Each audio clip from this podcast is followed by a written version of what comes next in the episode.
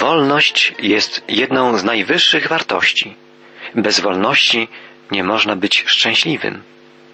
Bóg stworzył nas jako istoty wolne.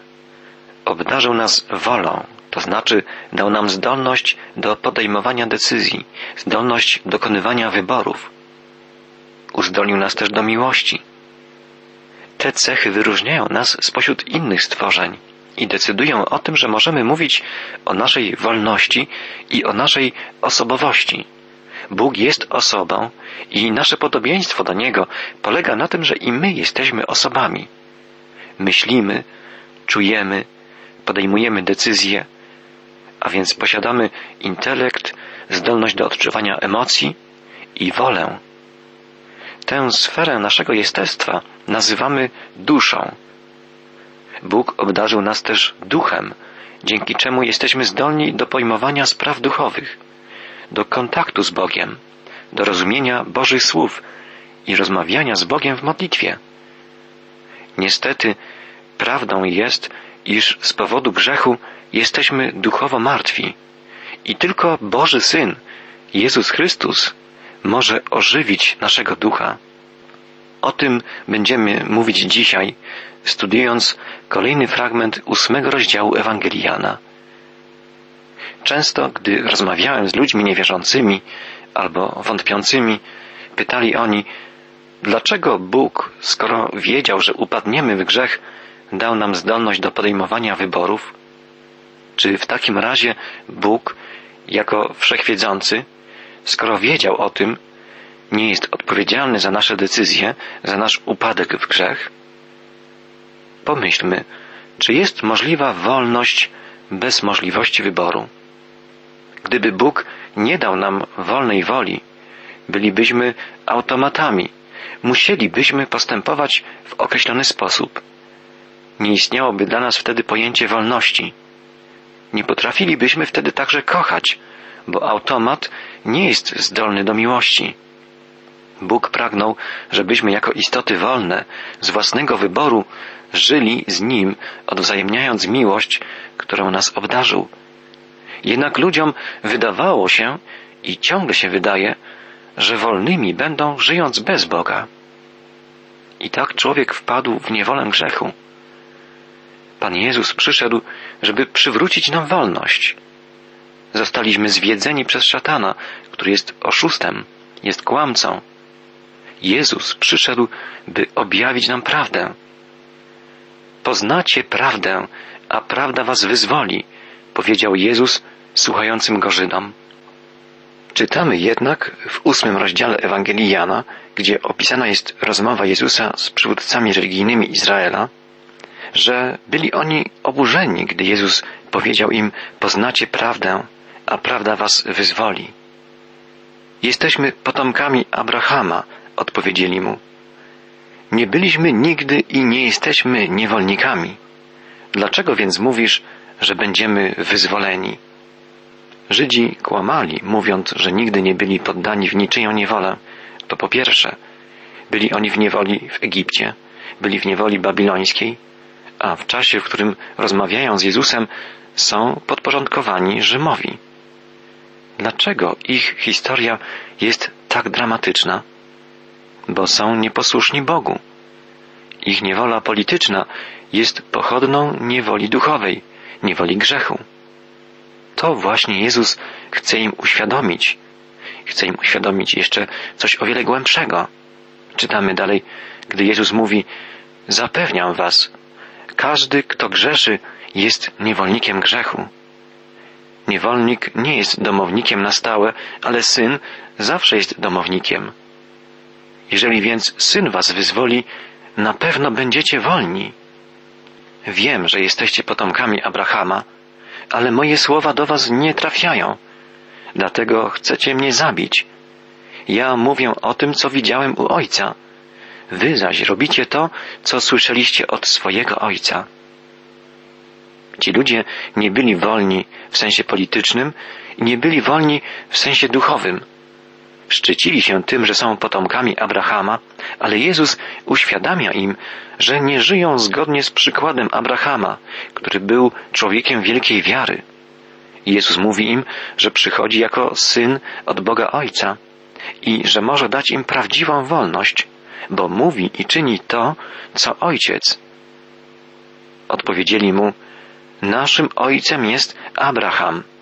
Na to Jezus, gdybyście byli dziećmi Abrahama, postępowalibyście jak Abraham.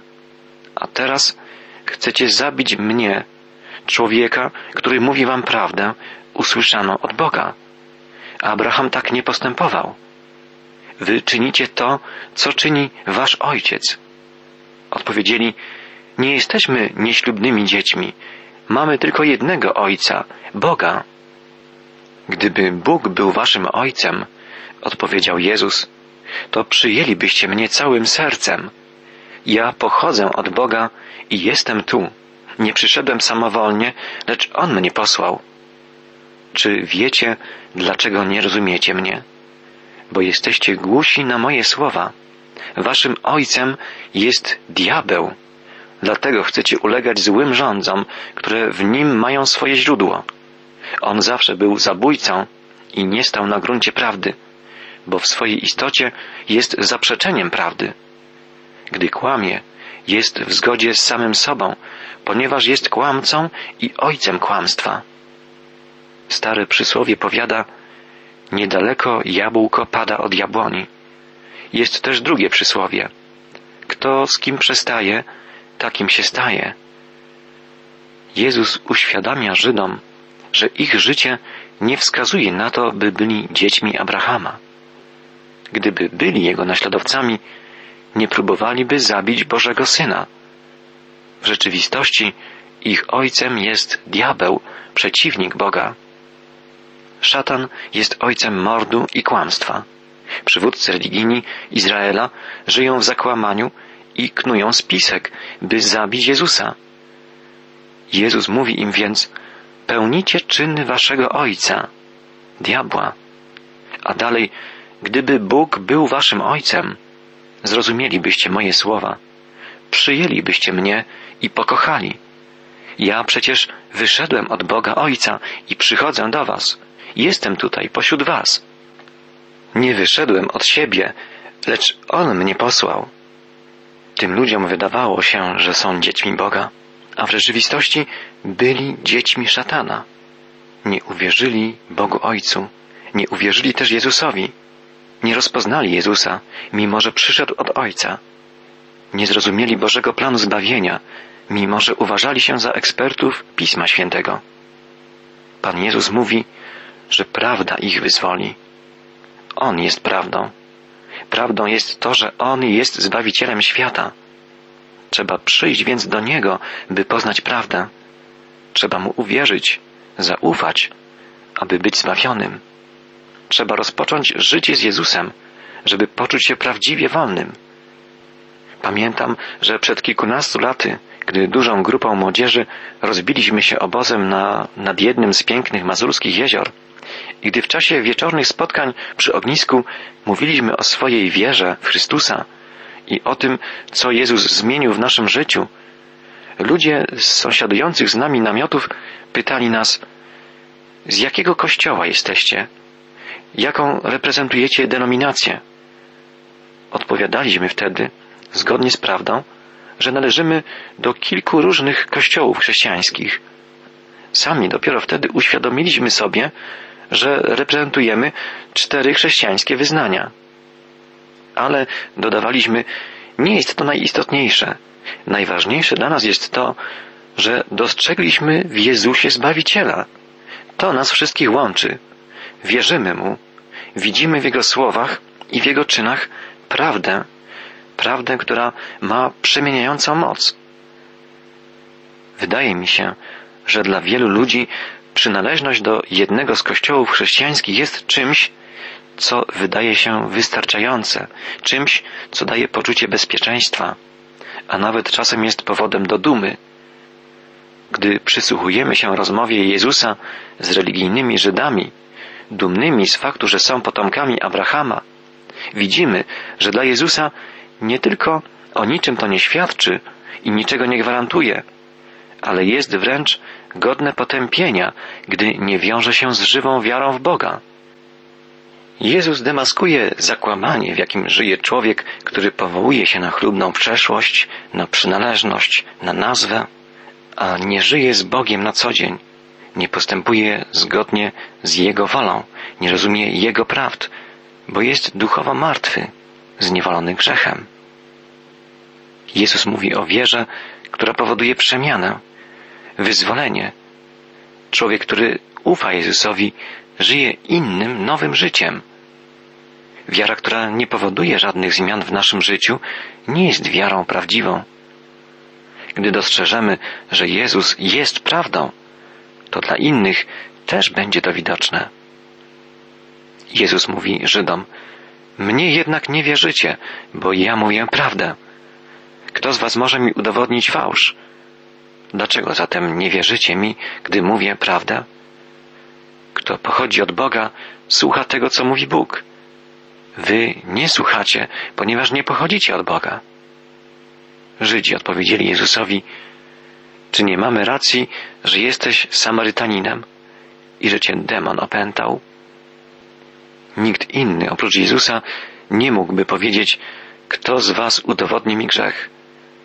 Gdy pomyślimy o tym przez chwilę, dojdziemy do wniosku, że gdyby ktokolwiek z nas wypowiedział takie słowa, byłoby wielu, którzy wskazaliby nam konkretne grzechy popełnione przez nas w określonym miejscu i czasie. Możemy być pewni, że gdyby ktokolwiek ze słuchających Jezusa wrogich mu ludzi mógł wskazać jakiś jego grzech, uczyniłby to natychmiast. Wrogowie Jezusa nie wiedzieli, jak odpowiedzieć na jego pytanie, jeżeli nie możecie udowodnić mi grzechu i kłamstwa, dlaczego mi nie wierzycie? Bo nie można odpowiedzieć na to pytanie logicznie, prawdziwie, szczerze, nie przyznając się do uprzedzenia i nienawiści. Co więc robią uczeni w piśmie? Rzucają w Jezusa obelgę. Jesteś Samarytaninem. To znaczy, jesteś pogardzanym przez prawdziwych Żydów odszczepieńcem i jesteś opętany przez demona. Nie ma we mnie demona, odpowiedział Jezus. Strzegę tylko chwały mego Ojca, a wy znieważacie mnie. Nie zabiegam o chwałę dla siebie. Ktoś inny stara się o to i do niego należy ocena. Zapewniam was, ten, kto stosuje się do moich słów, nigdy nie umrze. Wyobraźmy sobie Jezusa stojącego pośrodku tłumu, otoczonego przez wrogich mu kapłanów. Nienawidzili go tak bardzo, że chcieli go zabić. W ich umysłach i sercach był już mord, a w nim była tylko miłość. Już wkrótce Jezus pójdzie na Golgotę, żeby za nich umrzeć, a oni myślą o uśmierceniu go. On chce im dać zaś życie. Jezus mówi, zapewniam was, kto stosuje się do moich słów, nigdy nie umrze. Tak, Jezus oferuje życie wieczne.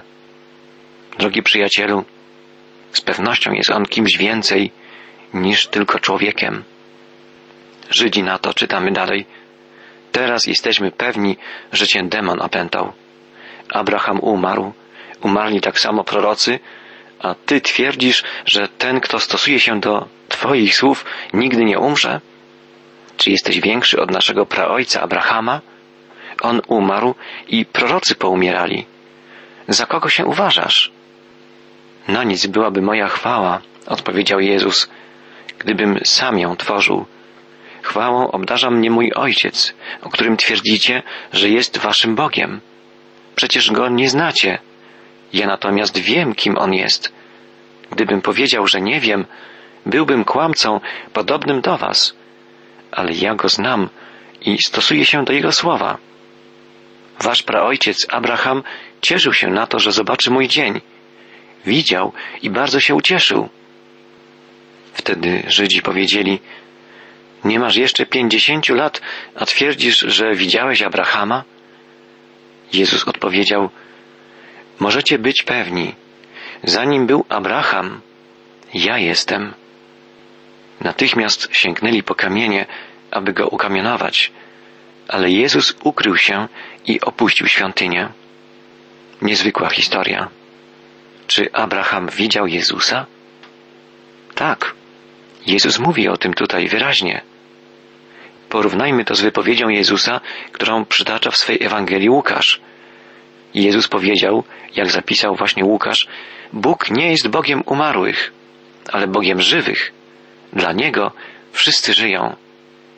Dla nas śmierć jest granicą, za którą nie możemy już niczego dostrzec. Bóg jest obecny i po tej, i po tamtej stronie. Gdy zmarł Łazarz, jak pamiętamy z lektury Ewangelii Łukasza, został przeniesiony na łono Abrahama. To obrazowe określenie oznacza, że Łazarz powędrował do raju, w którym przebywał też ojciec wiary Abraham. Dowiadujemy się tu rzeczy cudownej, że zmarli w okresie Starego Testamentu ludzie wiary przebywają już w raju i że mogli oni oglądać przyjście Jezusa na ziemię. Jezus przyszedł od Ojca i do Ojca powrócił. Przekroczył granicę dzielącą świat widzialny i niewidzialny, materialny i duchowy. Dzięki tej wypowiedzi Jezusa możemy jak gdyby zerknąć przez uchylone małe okienko w cudowność nieskończonego świata, w wymiar wieczności. Jezus powiedział, zanim Abraham był, ja jestem. Nie ja byłem, lecz ja jestem. To stwierdzenie rozsadza ramy czasu. Jezus mówi to o sobie podobnie jak Bóg Ojciec. Ja jestem. Jestem zawsze. Jestem wiecznie. Żydzi zrozumieli, co powiedział Jezus, ponieważ zrozumieli, że mówi o sobie, iż jest równy Ojcu, porwali kamienie, żeby go ukamienować. Chcieli go zabić za bluźnierstwo. Ale Jezus mówił prawdę. On jest Bogiem, który mówi o sobie Ja jestem. Jest wiecznym, wszechmocnym Bogiem. Jest tym samym Bogiem, co Ojciec, choć jest inną osobą. Wielu ludzi pyta, jak to możliwe, że w Bogu jest więcej niż jedna osoba? Odpowiedź na to pytanie można poprzedzić innymi pytaniami. Dlaczego żyjemy na planecie, która krąży jako trzecia wokół Słońca? Dlaczego żyjemy właśnie w tej galaktyce? I dlaczego istnieje tak wiele galaktyk i tak wiele Słońc? Nie jesteśmy w stanie objąć swoim umysłem ogromu świata materialnego, a chcemy zmierzyć umysłem Boga? Nie jesteśmy w stanie poznać wielu tajemnic stworzenia, którego cząstką sami jesteśmy, a uzurpujemy sobie prawo do definiowania Stwórcy? Bóg objawia się nam jako Ojciec, Syn i Duch Święty. Czy jest jakaś przyczyna, dla której Bóg nie mógłby istnieć w trzech osobach? Naszym zadaniem jest poznawać Go, tak jak poznajemy stworzony przez Niego wszechświat, a nie kwestionować możliwość istnienia Boga żywego, takiego, jakim się On nam objawia. Jezus jest osobą Boga, jest tym, przez którego wszystko powstało. Na nim wszystko jest ugruntowane. Wszystko, co jest na niebie i na ziemi, rzeczy widzialne i niewidzialne, naziemskie władze, czy zwierzchności, wszystko przez Niego i dla Niego zostało stworzone, pisze apostoł Paweł w swoim liście do Kolosan. On jest prawdą, która może Cię wyzwolić. Jest prawdą o ratunku dla Ciebie i dla mnie. Jest prawdą o zbawieniu, prawdą o życiu wiecznym. Przywódcy religijni Izraela zostali postawieni przed wyborem. Musieli podjąć decyzję, czy uwierzą w to, kim jest Jezus, czy odtrącą go. Wybrali to drugie. Chwycili w ręce kamienie, żeby go zabić, Nieraz już byłem zaskoczony tym, jak reagują ludzie dzisiaj, gdy słyszą imię Jezus. Kiedyś, gdy rozmawialiśmy w gronie młodych ludzi o Jezusie, przysłuchujący się nam ludzie powiedzieli, powinniście iść do zakonu, jeżeli ten Jezus jest dla was taki ważny. Bardzo mała jest wiedza na temat tego, kim naprawdę jest Jezus i kim pragnie być dla nas osobiście na co dzień. Spotkałem się już także z reakcją agresywną, pełną nienawiści, gdy ktoś uświadomił sobie, że i on powinien określić, jaki jest jego stosunek do Jezusa. Często ludzie wolą nie myśleć o Chrystusie, uciekają od tego tematu, albo zasłaniają się argumentami podobnymi do tych, które wysuwali w rozmowie z Jezusem żydowscy przywódcy religijni. Wyboru odnośnie Jezusa musisz dokonać także Ty. Czy Jezus jest dla Ciebie prawdą? Czy jest kłamcą? Czy jest Bogiem i Zbawicielem? Czy oszustem? Sam musisz decydować, czy przyjmujesz Go, czy odrzucasz. Jakakolwiek będzie Twoja decyzja, w żaden sposób nie wpłynie to na to, kim Jezus w rzeczywistości jest. On jest prawdą. On jest Zbawicielem. Jest wiecznym Bogiem, który mówi o sobie Ja jestem. Twoja decyzja to albo przyjęcie tej prawdy, albo jej odrzucenie. Drogi przyjacielu, wybierz prawdę, wybierz życie, otwórz swoje serce dla Jezusa.